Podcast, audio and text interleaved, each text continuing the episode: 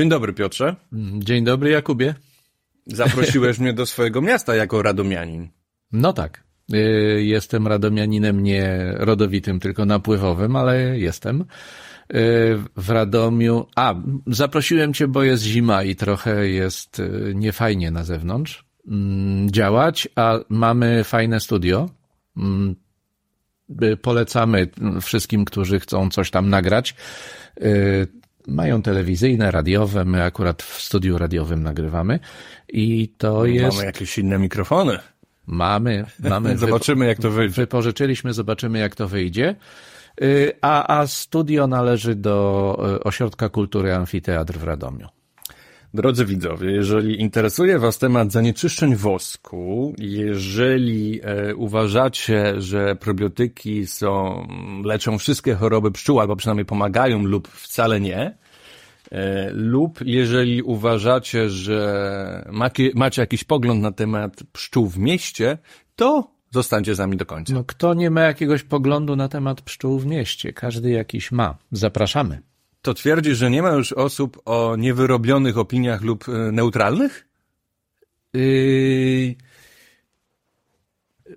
Żyjemy w takich czasach, że jest ich coraz mniej? Żyjemy w takich czasach. To znaczy, polaryzacja jest taką, taką naturalną cechą tych czasów, yy, myślę, ale nie wiem, czy, czy, czy to jest pole do tej dyskusji, yy, czy damy radę yy, ją w jakiś sensowny sposób poprowadzić, bo nie do niej się przygotowywaliśmy, nie. tylko do tych artykułów. Nie. Nie. Lecimy, lecimy. E, gdzie lecimy? Do, gdzie te badania. Do Lublina lecimy. Do Lublina, z Radomia do Lublina, czyli niedaleko. Niedaleko.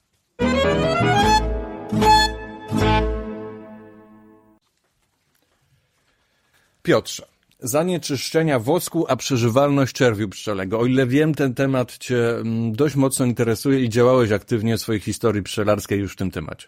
Zgadza się i, i nawet artykuł, o którym e, rozmawiamy, mm, tematyka tych badań e, była e, podejmowana też na kanale Polanka TV i zapraszamy do, do odświeżenia sobie ba, tego tematu. nawet jeden z autorów, przynajmniej jeden z autorów, yy, współautorów tego, tej publikacji, o której mówimy. Przynajmniej tu, troje autorów. Wypowiadało się na kanale Polanka TV. Jest tak. to publikacja w Apidologii, w czasopiśmie Apidologii, które zajmuje się już stricte naukami pszczelnictwa.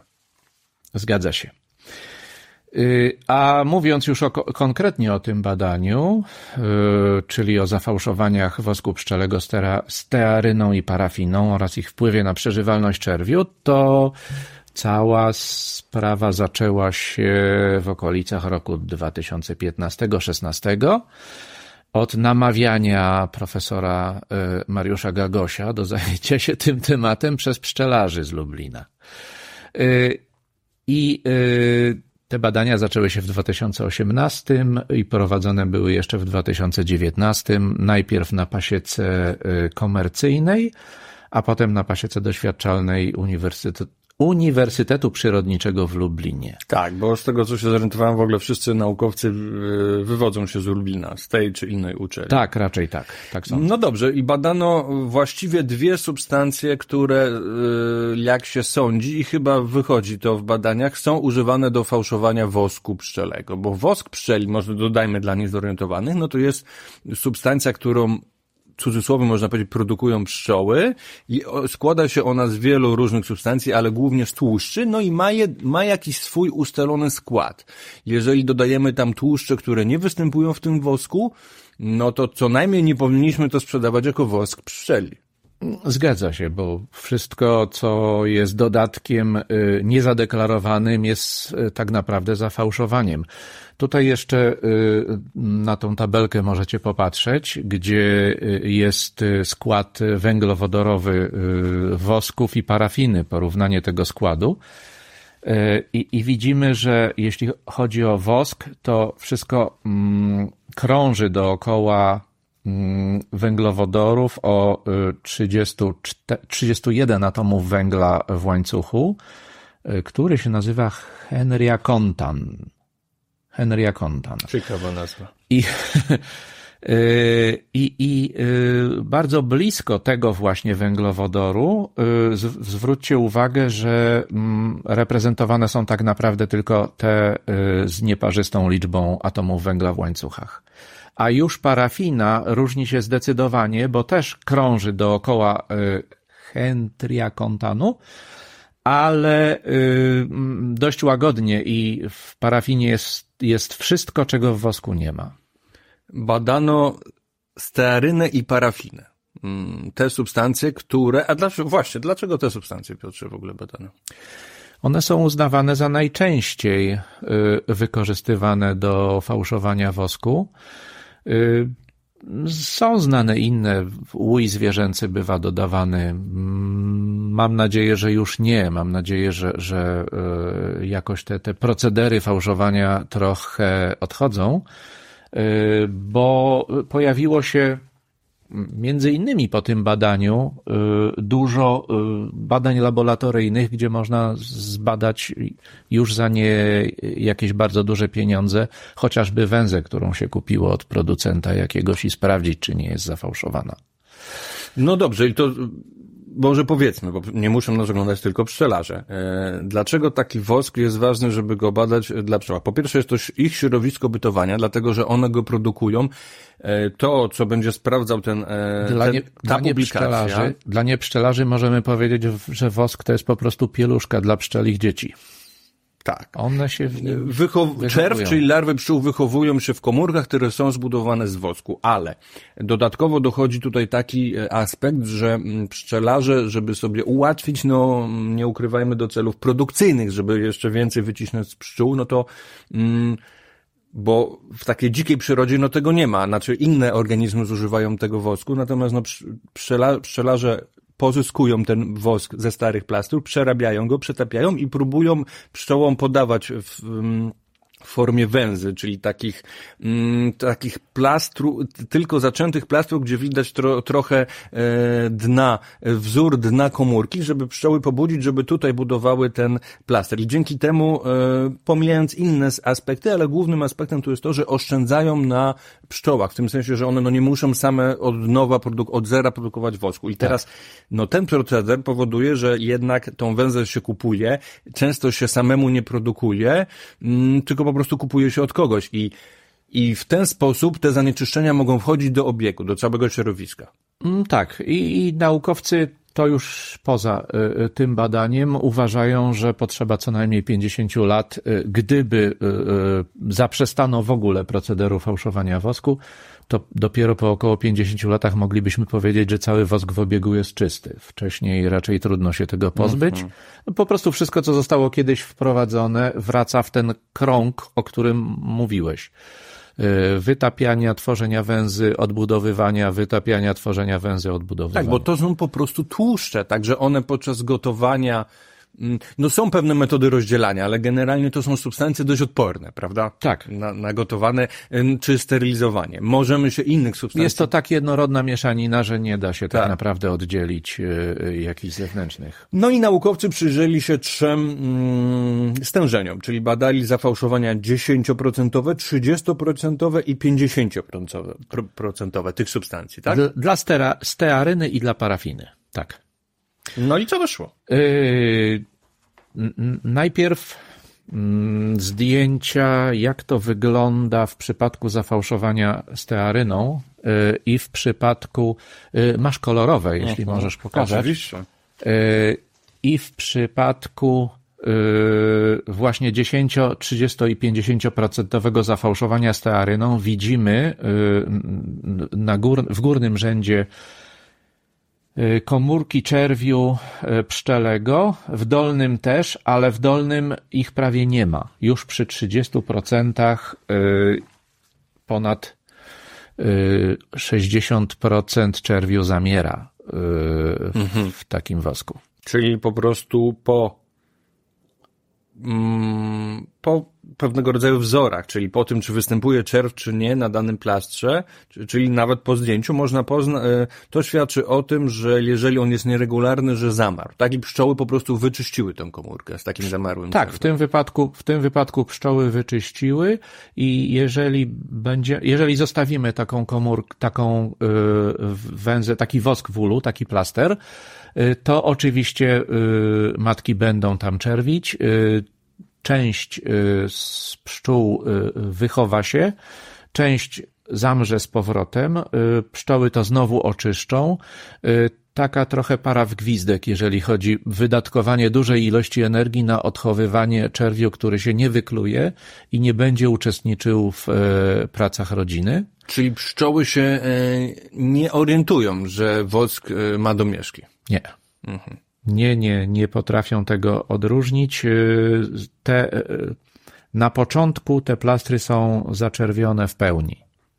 Y, tak jak wszystkie inne. Matka nie unika składania w nich jajek. Pszczoły nie unikają podlewania tych plastrów mleczkiem, chociaż też należy zauważyć, że już w tych badaniach zaobserwowano, że konsystencja tego mleczka jest inna, Mm, dąży do stałej, a nie takiej y, y, mleczno-śmietankowej. I niektóre zamarłe komórki znajdowano puste, bez śladu, bez śladu mleczka pszczelego, mhm. albo zostało ono pobrane przez pszczoły, bo wiedziały już, że ta larwa nie przeżyła, albo też po prostu wyschło, mm, zmieniło swoją konsystencję. I to był pierwszy etap e, badań. E, natomiast e, w drugim etapie badań badano mateczniki. Jak mógłbyś powiedzieć, dlaczego właśnie mateczniki? Tak, będąc ścisłym w drugim etapie badań badano też to samo, żeby potwierdzić, a także i mateczniki. I mateczniki robiono też z wosku czystego i z wosku zafałszowanego w takim samym procencie jak tutaj. I, do, i otrzymano ten sam, y, te same mniej więcej parametry, czyli w przypadku już 30, y, w przypadku 10% zafałszowania y, z tearyną otrzymano tylko 11% przyjęć takich larw matecznych. W porównaniu do 89 zdrowych porównaniu do 89. To może też powiedzmy sobie o tym, mm, o tym przeżywalności czerwiu właśnie na tym plastrze, co mówiliśmy, 10% zanieczyszczenie staryną powoduje zmniejszenie się o 68, o 67% przeżywalności. Tak. Y, Natomiast e, domieszka parafiny powoduje odkształcanie się tych komórek e, pszczelich, e, tak zwane spływanie plastru, czyli po prostu ma inną temperaturę topnienia i jak jest będzie bardzo dużo, jak się wkłada po prostu do ula, no to potrafi spłynąć. I to jest z punktu widzenia, mm, no po prostu sprzedającego węzę oczywiście, no zły produkt, bo spłynął. Natomiast yy, według naukowców, którzy to badali, tak zanieczyszczony wosk staryną, przynajmniej w pewnym procencie, e, przepraszam, e, parafilną, nie tak. powoduje zmniejszenia się przeżywalności czerwi. Przynajmniej nie wyszło to w tym badaniu, to może powinniśmy jednak to rozważyć. Zgadza się. Że te ale... substancje są różne. Zgadza się, ale zwróć uwagę na zdjęcie, które akurat masz tutaj. E, I jeżeli w takich komórkach mamy zniesione jaja, to, to pszczoły nadal y, wychowują się w nieprawidłowych y, dla nich pomieszczeniach. To nie jest geometryczny kształt zbliżony do okręgu, czyli, czyli heksagonalny, y, tylko jest to kształt bardzo mocno nieregularny i prawdopodobnie to też wpływa na, na to, w jakiej, w jakiej kondycji takie pszczoły się wychowają.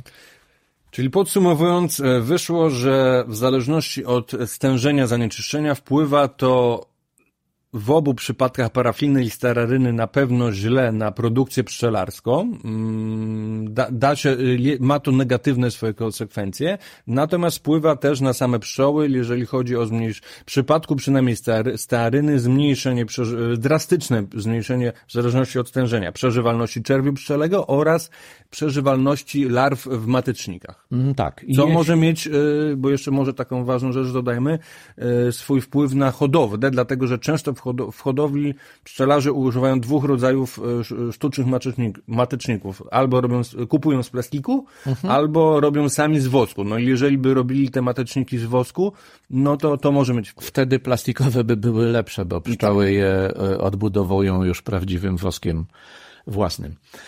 Y, ja jeszcze powiem o jednej rzeczy, które, której w tych badaniach nie ma, a które ostatnio usłyszałem y, i to należy traktować, bo my tu mówimy o badaniach publikowanych w, y, w czasopismach jak recenzowanych. Jak zwykle. To jest, to jest niezwykle ważne, dlatego to, co ja teraz mówię, to jest y, powoływanie się na autorytet naukowca, czego unikamy. W pierwszych, tylko odniosę widzów, że w pierwszych dwóch odcinkach mm, powiedzieliśmy sobie trochę o metodzie peer review, o tej metodologii, na czym polega to sprawdzanie, więc jakby ktoś chciał się dowiedzieć, to... Tak. Niemniej Niemniej słyszałem, pewnie potwierdzi to pani profesor Aneta Strachecka, y, od której to y, usłyszałem, że dodatek stearyny w wosku powoduje degradację gruczołów gardzielowych pszczół, więc już na etapie produkcji mleczka pszczelego ono może być y, ono może być o niewłaściwej jakości, mm, ale poczekajmy z tym do,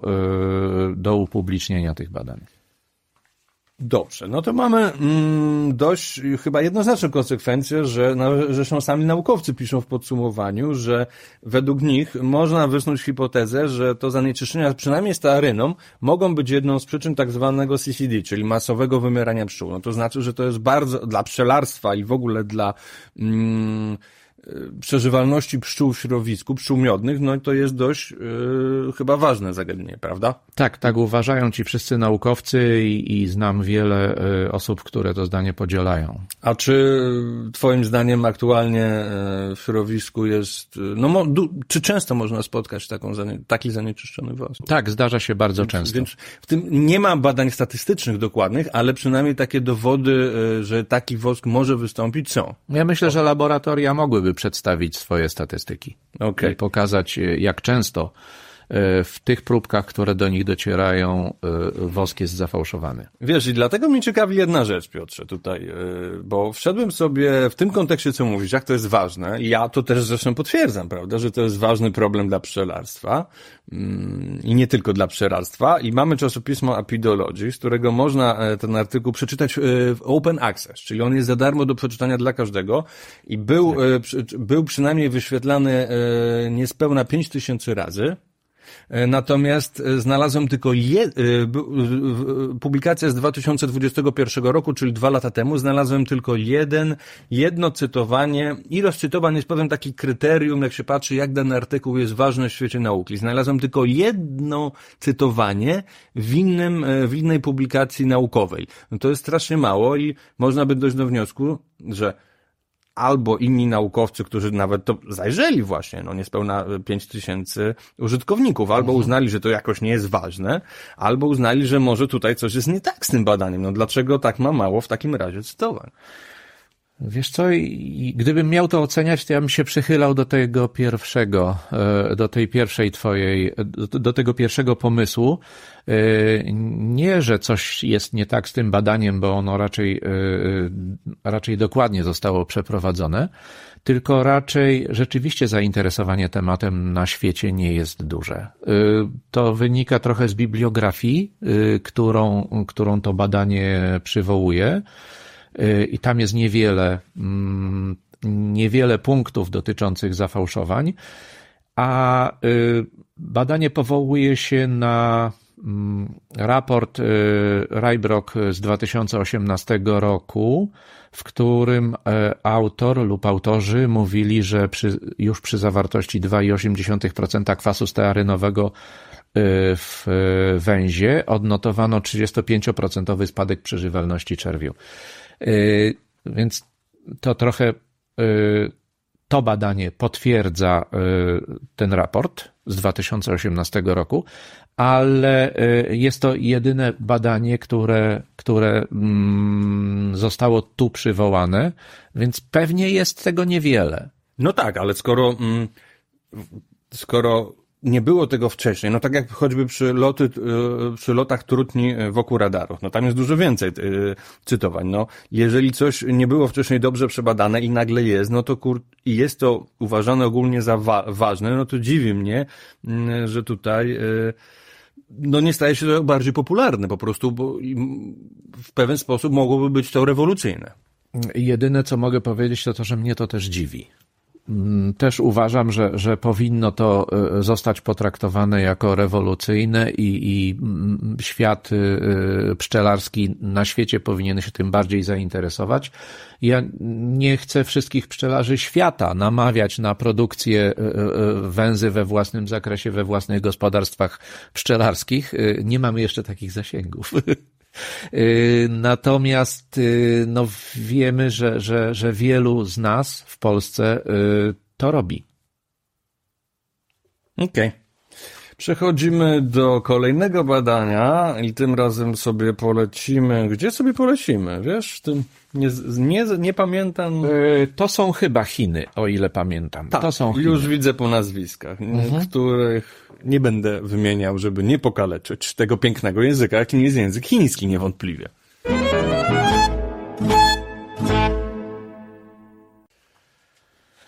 Wylądowaliśmy w Chinach i proponuję Ci, Piotrze, artykuł, który w oryginale brzmi mm, Beneficial Bacteria as y, Biocontrol Agents for American Full Disease in Honeybees, czyli mhm. mm, korzystne bakterie jako mm, środki kontroli zgnilca amerykańskiego.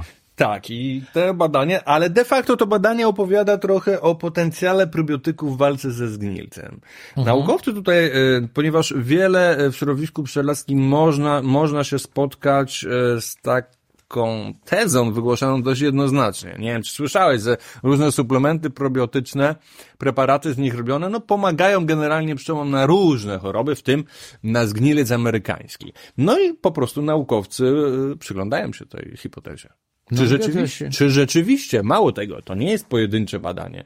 To jest przeglądówka, czyli analizują wiele różnych badań. Tak, no jest tu, jest tu też potencjał, bo wiemy, że nie mamy na razie e, e, żadnego leku na, na zgnilca amerykańskiego. Amerykanie, którzy stosują antybiotyki, właściwie nie Amerykanie, to yy, upraszczam, poza Unią Europejską, gdzie antybiotyków nie wolno stosować, można, można ich używać, żeby stłumić, y, y, żeby stłumić objawy kliniczne zgnilca, ale to się dalej wiąże z, z, ze szczepami opornymi na antybiotyki i roznoszeniem ich po terenie z zaburzoną mikroflorą pszczół traktowanych tymi antybiotykami, skróconą długością ich życia i tym podobnymi problemami. Znaczy w przypadku e, już infekcji z gnicem, no to naj, najczęściej, to pszczoły właściwie padają i, i na, Rodzina pada. Rodzina pada, tak, tak, oczywiście, no,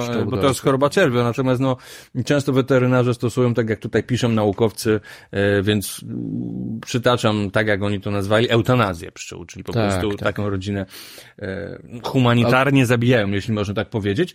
Natomiast jaki, jaka jest hipoteza odnośnie mechanizmu działania tego probiotyków? No jest dość prosta, już od wielu lat badamy probiotyki i odkryto, że pszczoły zarażone zgnilcem mają w swoich jelitach trochę inny skład mikroflory niż te pszczoły zdrowe. No więc rozumowanie jest tu dość proste. Podać pszczołom to, te e, szczepy, e, których im brakuje. Których im bra no może nie brakuje, te, których, których różnice stwierdzono i hipoteza jest taka, że to im brakowało właśnie, bo to jest hipoteza i wtedy y, im się pomoże w walce z tą chorobą. Dlatego, że oczywiście też odkryto y, nie tylko u pszczół, u pszczół, ale u wielu innych organizmów, mm, no, rzeczywiście pewne szczepy mutualistyczne, czyli takim fachowym językiem mówiąc, czyli to jest taka relacja pomiędzy załóżmy bakteriami a y, y, wielokomórkowym organizmem, że mm, wzajemne korzyści sobie świadczą, prawda? No i tak. odkryto już wiele takich bakterii, które wpływają na odporność. Y, takich szczepów, które w określonych warunkach, na przykład w jelitach, wpływają na odporność. No więc nic dziwnego, że i mm, taką hipotezę wysnuto w odniesieniu mm, do pszczół. Same pszczoły, same różne bakterie, na przykład szczepów bak bacillo, y, bacillus. Y, lactobacillus, ale też bifidobacterium mhm. produkują różne substancje, jak na przykład kwasy organiczne, mm, różne substancje lotne, jak natlenek wodoru, diacetyl, dwutlenek węgla, czy bakteriocyny, które mm, wspomagają układ odpornościowy pszczół. Więc po prostu podajmy to pszczołom, i zostaną wyleczone. Problem tylko w tym, że wiele z tych badań było jeszcze na etapie in vitro robionych. Czyli no, w przypadku oczywiście. pszczół to mamy albo wręcz i na jednej pszczole, która jest w jakiś sposób mm, e, no, na jej tkankach wręcz czasami, albo na pszczołach w klateczkach. A tutaj ci naukowcy postanowili przyjrzeć się tym wszystkim badanom. I yy, nie wiem, czy spotkałeś się z taką opinią, że no te probiotyki na pewno działają. I czy można to powiedzieć, czytając to badanie? Y, tak, no można to powiedzieć. Y, zwróć uwagę na tę tabelkę, w której pokazano wpływ y, bakterii kwasu mlekowego podawanych w różny sposób, różnym, różnym postaciom pszczoły w różnych warunkach, w różnych stężeniach i jeszcze różne szczepy tych bakterii i w tej tabelce generalnie są zarejestrowane pozytywne odpowiedzi y, organizmów lub rodzin pszczelich, więc no nie, nie można powiedzieć, że y, zastosowanie probiotyków nie działa.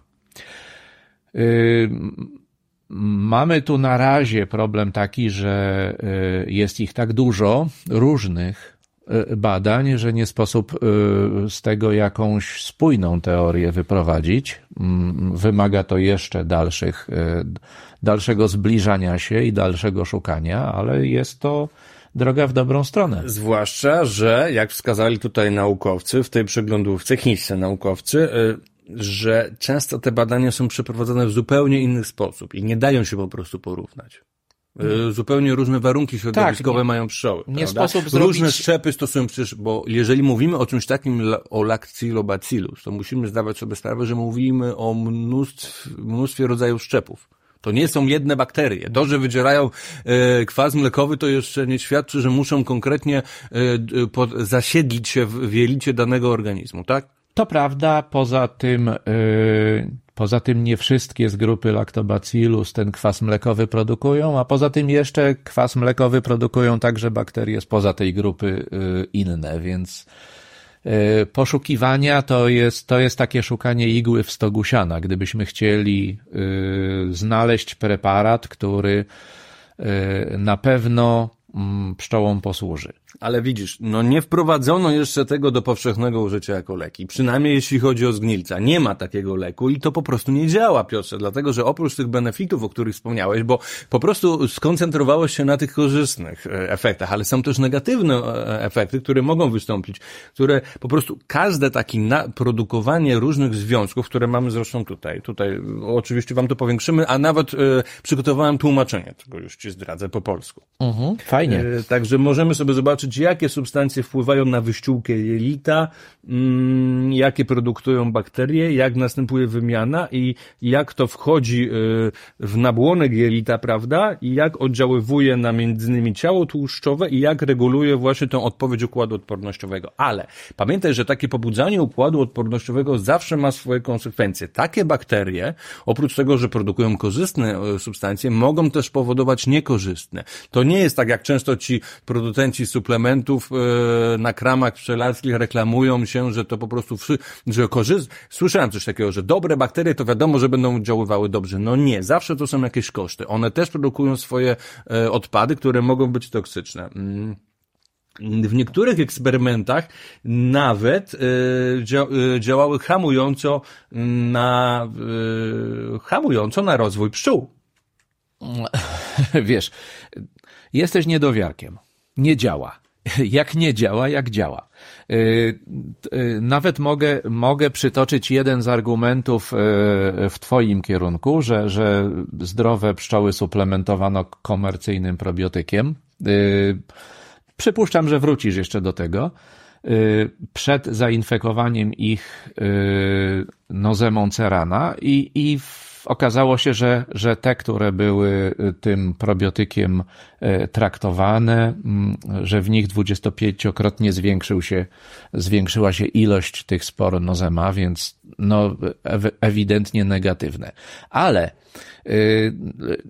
my ludzie też używamy leków. Jeśli mnie głowa boli, to biorę, nie wiem, paracetamol, ale nie biorę, nie wiem, garści paracetamolu, tylko jedną e, lub dwie tabletki. I tu chodzi o to, żeby z tej tabelki wyciągnąć wnioski co do ewentualnych dalszych badań i znaleźć takie dwie tabletki, które będą działały. Mm, oczywiście nie mówię o yy, wlewaniu do, do ula wszystkiego, co, co się z lactobacillus kojarzy potencjał taki, żeby e, przyszłość, żeby badać to i żeby w przyszłości ewentualnie to wprowadzić jako leki na zgnilce, bo do tego to by się musiało sprowadzić, czyli by musiało być tak samo zarejestrowane jak inne leki. Jeśli by to działało, to jest jedna sprawa i to pochwala. Natomiast nie mu, musimy się koncentrować na tym, co mamy teraz, a na tym, co mamy teraz, to jest problem, dlatego że mamy nawet e, tak źle dobrane i nieodpowie, e, źle dobrane dla pszczół i nieodpowiednio przebadane suplementy, czyli nie wychodzi w badaniach to, co deklarują producenci, które mogą wręcz rozregulowywać system odpornościowy pszczół. Dodatkowo, nie, nie wiem, czy kojarzysz takie preparaty M. One są produkowane, zostały, często te preparaty są, e, te szczepy bakterii kwasu mlekowego są pobrane od zwierząt, na przykład, mm, e, roślinożernych ssaków. I tutaj naukowcy zwracają uwagę, że to nie muszą być dokładnie te same szczepy, bo jaka jest funkcja tego probiotyku? Te bakterie powinny się zasiedlić w tych jelitach, a to nie muszą być dokładnie te szczepy, co w jelitach pszczoły. I, i mogą podawanie często prewencyjnie takich probiotyków może wręcz rozregulowywać układ odpornościowy pszczóły. Generalnie, no, ja nic nie wymyślam, tylko konkluzją naukowców jest, że owszem, jest taki potencjał, ale na razie aktualne badania wskazują, że nie możemy powiedzieć, że w tej, że w tej chwili bakterie probiotyczne i preparaty probiotyczne działają pozytywnie na zgnilce. Owszem, są pewne wskazówki, że mogą, natomiast żaden preparat nie nadaje się do powszechnego użycia. To jak ty się ze mną częściowo zgodzisz, to ja też się z tobą częściowo zgodzę, w sensie, że rzeczywiście takiego preparatu nie mamy. Yy, I to też pokazuje yy, niniejsze badanie, zajmując się też preparatami yy, stosowanymi i dopuszczonymi do obrotu. E, niemniej, e, choć nie ma jeszcze materiału, e, żeby zrobić metaanalizę, dlatego zrobiono tylko przeglądówkę, ale, ale jest materiał do dalszych badań. A probiotyki działają jedne w jedną stronę, drugie w drugą stronę, jedne lepiej, drugie gorzej. Jest czego szukać. I to jest i w tym zakresie jestem entuzjastą. Jest czego szukać. Tylko czy nie ma tu pewnej ślepej uliczki? Muszę wspomnieć o pewnej skłonności pszczelarzy. Otóż zwłaszcza po prostu, no, czyli większości pszczelarzy, którzy w jakiś sposób pszczoły traktują komercyjnie. Naukowcy wprost tutaj piszą o kompromisie pomiędzy uogólnionym zdrowiem pszczół, a eksploatacją pszczół jako czynnikiem ograniczającą stosowanie tego preparatu przy odporności, przy nadmiernym stresie środowiskowym. Często pszczelarze myślą taki w sposób kapitalistyczny, że tak powiem, instrumentalny. To znaczy tak, wykorzystajmy pszczoły na maksa ile się da, a później je uleczmy i mówmy po prostu, że robimy dobrze dla pszczół, jakie tutaj mamy wspaniałe te preparaty. Tylko tak jak mówię, te preparaty mają również swoje negatywne skutki uboczne i być może e, bardziej zrównoważone e, długofalowo dla pszczół będzie mm, wycofać się trochę z ich eksploatacji. Tak przynajmniej piszą naukowcy. Mm, to popieram. Nie, y, nie wlewajmy do ula y, czegoś, co, mm, co do mm, działania czego nie jesteśmy przekonani i nie znajduje to y, pokrycia w badaniach naukowych. Przechodzimy do ekologii zapylania w miastach i lecimy dzisiaj. Ty jesteś specjalistą od geografii, Piotrze. E, ja jestem specjalistą od geografii. Dzisiaj tak, bo się nie przygotowałem z tej materii. E, Karolina Północna, więc to muszą być Stany Zjednoczone. Znów Stany Zjednoczone. Musimy, wiesz co, mam taki pomysł, że zacznę to do Excela wprowadzać i kiedyś przyjrzymy się, jaką mamy statystykę odwiedzin krajów i, i ewentualnie zwrócimy większe baczenie na, na kraje, które e, w jakiś sposób no, są pomijane w naszych. Które pojawiają się rzadziej. Albo Jestem za. Lecimy.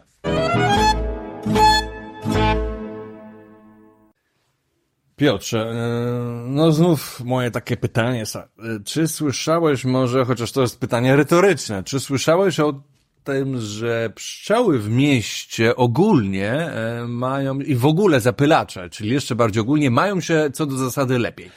No i mam odpowiadać na to pytanie. Nie, czy słyszałeś? Czy tak, słysza... oczywiście. Oczywiście. Yy... Nie, że, nie pytam, czy tak uważasz. Tak, tak. Miasta są Słuchaj. traktowane jako, jako yy, enklawy yy, małej ilości środków ochrony roślin. Mam dla ciebie metaanalizę po raz kolejny. Urban Pollination Ecology, czyli ekologia zapylania w miastach. Yy, świeże bułeczki, jeszcze ciepłe, dlatego że 8 sierpnia 2023 publikacja.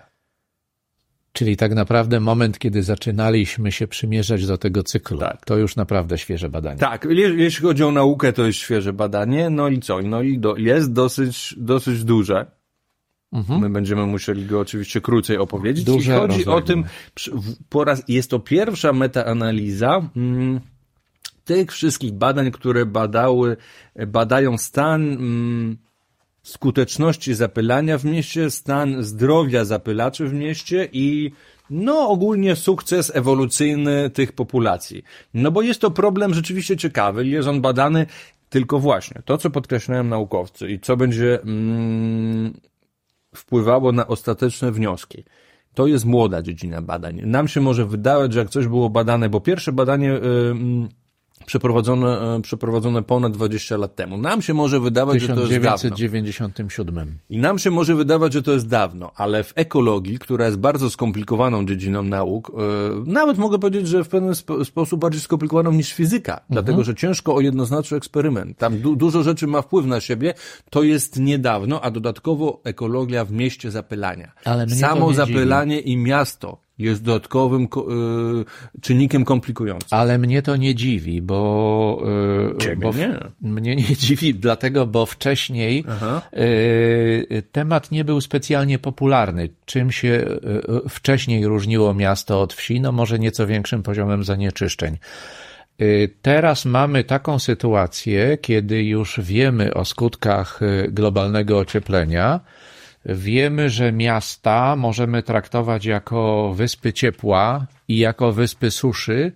Y, I, I to, że one w pewien sposób wyprzedzają o kilkanaście czy nawet kilkadziesiąt lat y, te efekty cieplarniane, które będziemy prawdopodobnie obserwować w środowisku w nieco późniejszym y, terminie. Tak jest.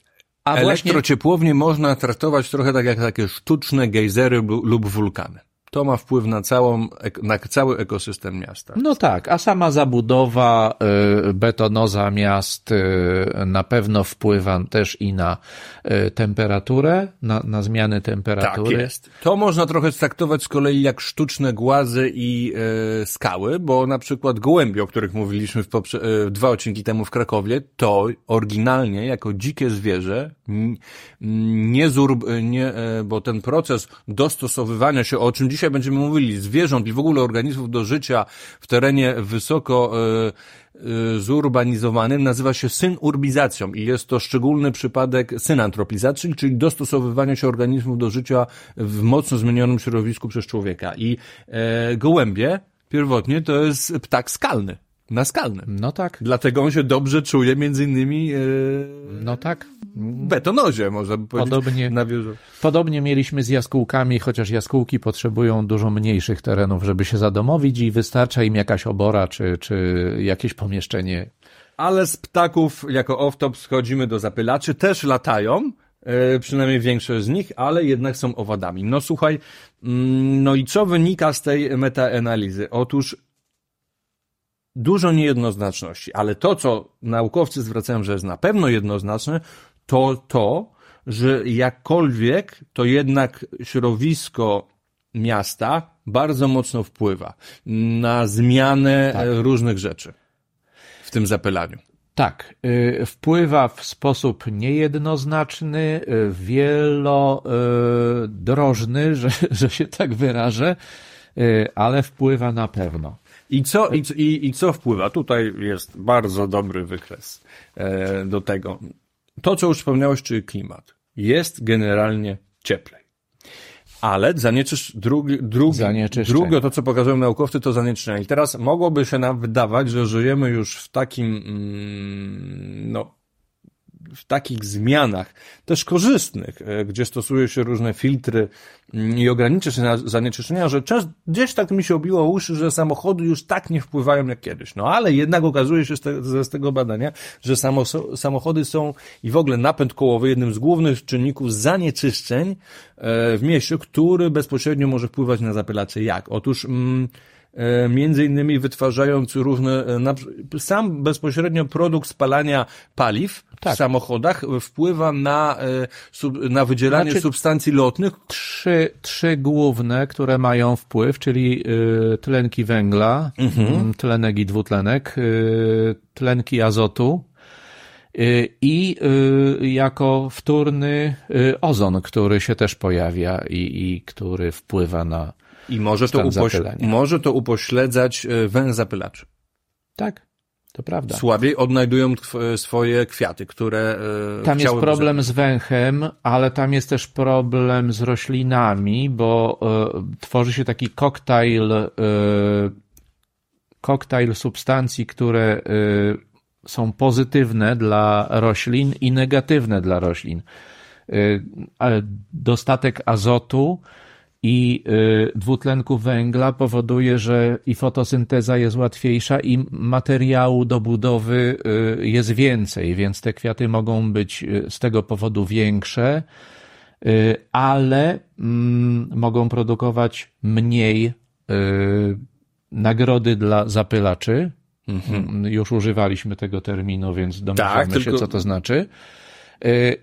Czyli, czyli to, to, troszeczkę tak na przekór temu badaniu, pamiętasz, jak test, y, omawialiśmy takie jedno tylko badanie, które testowało y, hipotezę, y, jak się pod wpływem ocieplenia y, będą zmieniały będą kwiaty. I tam wyszło, tak. to był y, ten y, powój pnący, Morning Glory, wyszło, że on tam produkował więcej nagród. A tutaj troszeczkę jest paradoksalna sytuacja, bo jest cieplej, ale mhm. te zanieczyszczenia powodują, że de facto tej nagrody będzie mniej na roślinie, mimo że ona może być większa. Tak.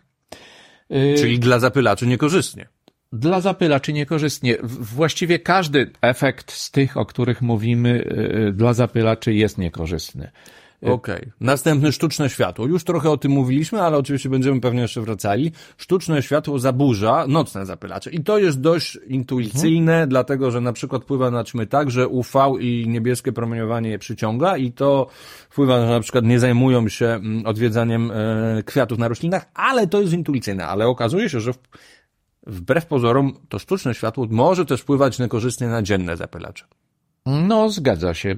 Tam nawet przywołane jest takie badanie, w tej chwili mi uciekło w Szwajcarii yy, niedawno robione, w, nie wiem czy nie w 2017, yy, gdzie yy, oświetlono poletko mm, rośliny zapylanej przez ćmy. Ćmy jej nie, zap, nie zapyliły, zajmowały się poszukiwaniem yy, źródła światła a y, zapylacze dzienne nie uzupełniły braków i roślina wydała o, tam mm, było pokazane, o 18% y, mniej plonu. Więc no i efekt jest jednoznaczny. W tym konkretnym badaniu, na które ta metaanaliza się powołuje, efekt jest jednoznaczny, że y, sztuczne światło Y, dezorganizuje proces zapylania. Sie, sieci tych połączeń, skomplikowane sieci połączeń zapylania. No i mamy jeszcze landscape e, heterogeneity, czyli to jest mm, zróżnicowanie środowiska, ale tu zwłaszcza chodzi, e, to słowo konkretnie też dotyczy kontrastów. Bo może być zróżnicowanie, tak. że na przykład jest łąka kwietna, na której e, rośnie dużo roślin. To nie do tego dotyczy.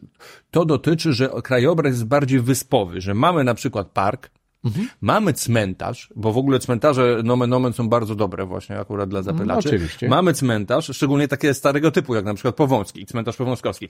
Mamy i nagle mamy szeroką drogę, y, dużego ruchu. Y, I to jest taki kontrast dla zapylacza, że dla niego to jest zupełnie inne środowisko. I po pierwsze, mamy takie uzyskujemy wtedy takie wyspowe środowisko, gdzie tylko co jakiś czas, y, że są miejsca korzystne i bardzo niekorzystne, ale poprzecinane, więc mm, zupełnie inną charakterystykę będą miały wtedy populacje i mamy bariery. Na przykład okazuje się, że małe pszczoły, i to wynika z badań, które oni przytaczają, niechętnie y, przekraczają bariery ulic. Tak. Yy tam y, mówią nawet o tym, y, że należałoby patrzeć na mm, coś, co, nazywa, co nazywają oporem, y, oporem krajobrazu. I, I gdyby mapy miast zbudować w ten sposób, że opór krajobrazu do, dla ulicy wynosiłby 100, a opór krajobrazu dla łąki wynosiłby 1, to wtedy według takich przekształconych map mo moglibyśmy y, teoretyczne dystanse dla owadów zapylających zbudować wiarygodnie. W sensie, że jeśli pszczoła może y, polecieć wzdłuż terenu zielonego albo przekroczyć ulicę, to wybierze mm, drogę wzdłuż terenu zielonego. I to na pewno będzie miało wpływ na zapylanie, a wiadomo, że między ulicami też mamy tereny zielone, mm. do których zapylacze raczej trudno będą się dostać. No i teraz Piotrze, z tych, e, oni przeanalizowali 2247 eksperymentów w 93 badaniach w 24 miastach na 6 kontynentach, które ujawniły wpływ urbanizacji na proces zapylania no i to piszą naukowcy, że ogólnie jest to zapylanie mniej skuteczne w miastach i co do tego nie mają wątpliwości, natomiast inne rzeczy nie są zbyt jednoznaczne, ale da się zaobserwować, że mo, ogólnie miasta mogą mieć wpływ na zmniejszenie się bioróż, tak zwanej bioróżnorodności mm, tych zapylaczy. Pyłek może być mniej przystępny, może być gorszej jakości. Mm, czy w takiej sytuacji w ogóle będziesz mógł bronić yy, miast jako yy, korzystnego środowiska dla zapylaczy? Nadal jeszcze będę mógł. Yy, może nie dla wszystkich zapylaczy. Rozmawialiśmy o tym kilka razy już w kontekście pasiek miejskich. I tutaj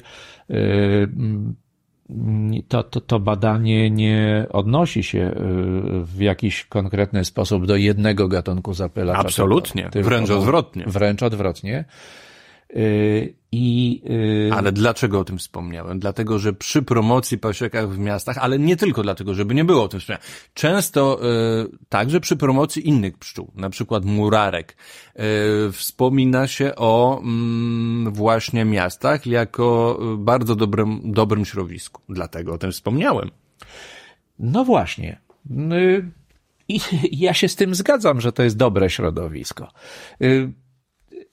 Oczywiście y, to jest kwestia tego, jak, y, jaką wagę mm, położymy z jednej strony na czystość y, tego środowiska w kwestii mm, w kwestii środków ochrony roślin, a, a jaką wagę przyłożymy y, do, do tego, że w tym środowisku są ulice, są zanieczyszczenia i jest sztuczne światło? Co jest, y, co jest dla y, pszczół, weźmy tu dla pszczół, co jest dla pszczół lepsze? Bo i w tym badaniu stwierdzono, że różnorodność, bioróżnorodność środowiskowa w miastach jest i tak lepsza od bioróżnorodności na terenach e, czysto rolniczych. Oczywiście jest gorsza niż na terenach e, nieuprawianych rolniczo, na terenach dzikich, ale to jest taka, taka e, naturalna. Natomiast nie mając do dyspozycji terenów dzikich, miasto nie wydaje się najgorszym miejscem dla pszczół. Muszę, jeżeli chodzi o ścisłość, to, musz, to stwierdzili coś konkretnie takiego, że e, jednoznaczny spadek bioróżnorodności w miastach w porównaniu do terenów podmieckich i naturalnych, Piotrze. E, w zestawieniu z terenami rolniczymi wnioski z dwóch analiz są wzajemnie sprzeczne, więc to nie było dokładnie tak, jak powiedziałeś.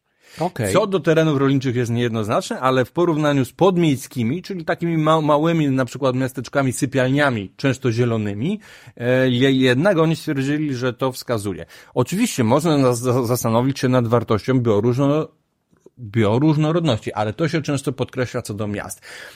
Wiadomo, że to nie jest w pełni jednoznaczne, natomiast, bo mm, pewne pszczoły mogą tam znaleźć swoje sanktuarium, że tak powiem trochę w cudzysłowie, w miastach, szczególnie w tych rejonach bardzo sprzyjających, typu właśnie cmentarze, parki, łąki. Tak. Natomiast e, to może jeszcze sobie w następnym odcinku, z tego co wiem, powiemy, e, jakie pszczoły, prawda? Bo tutaj często moda po prostu na pszczoły powoduje, że koncentrujemy się tylko na pewnych gatunkach. Natomiast tutaj chodzi o różne zapylacze, czyli tak naprawdę też tutaj prawdopodobnie chodzi o ptaki, nietoperze, które mhm. też są zapylaczami.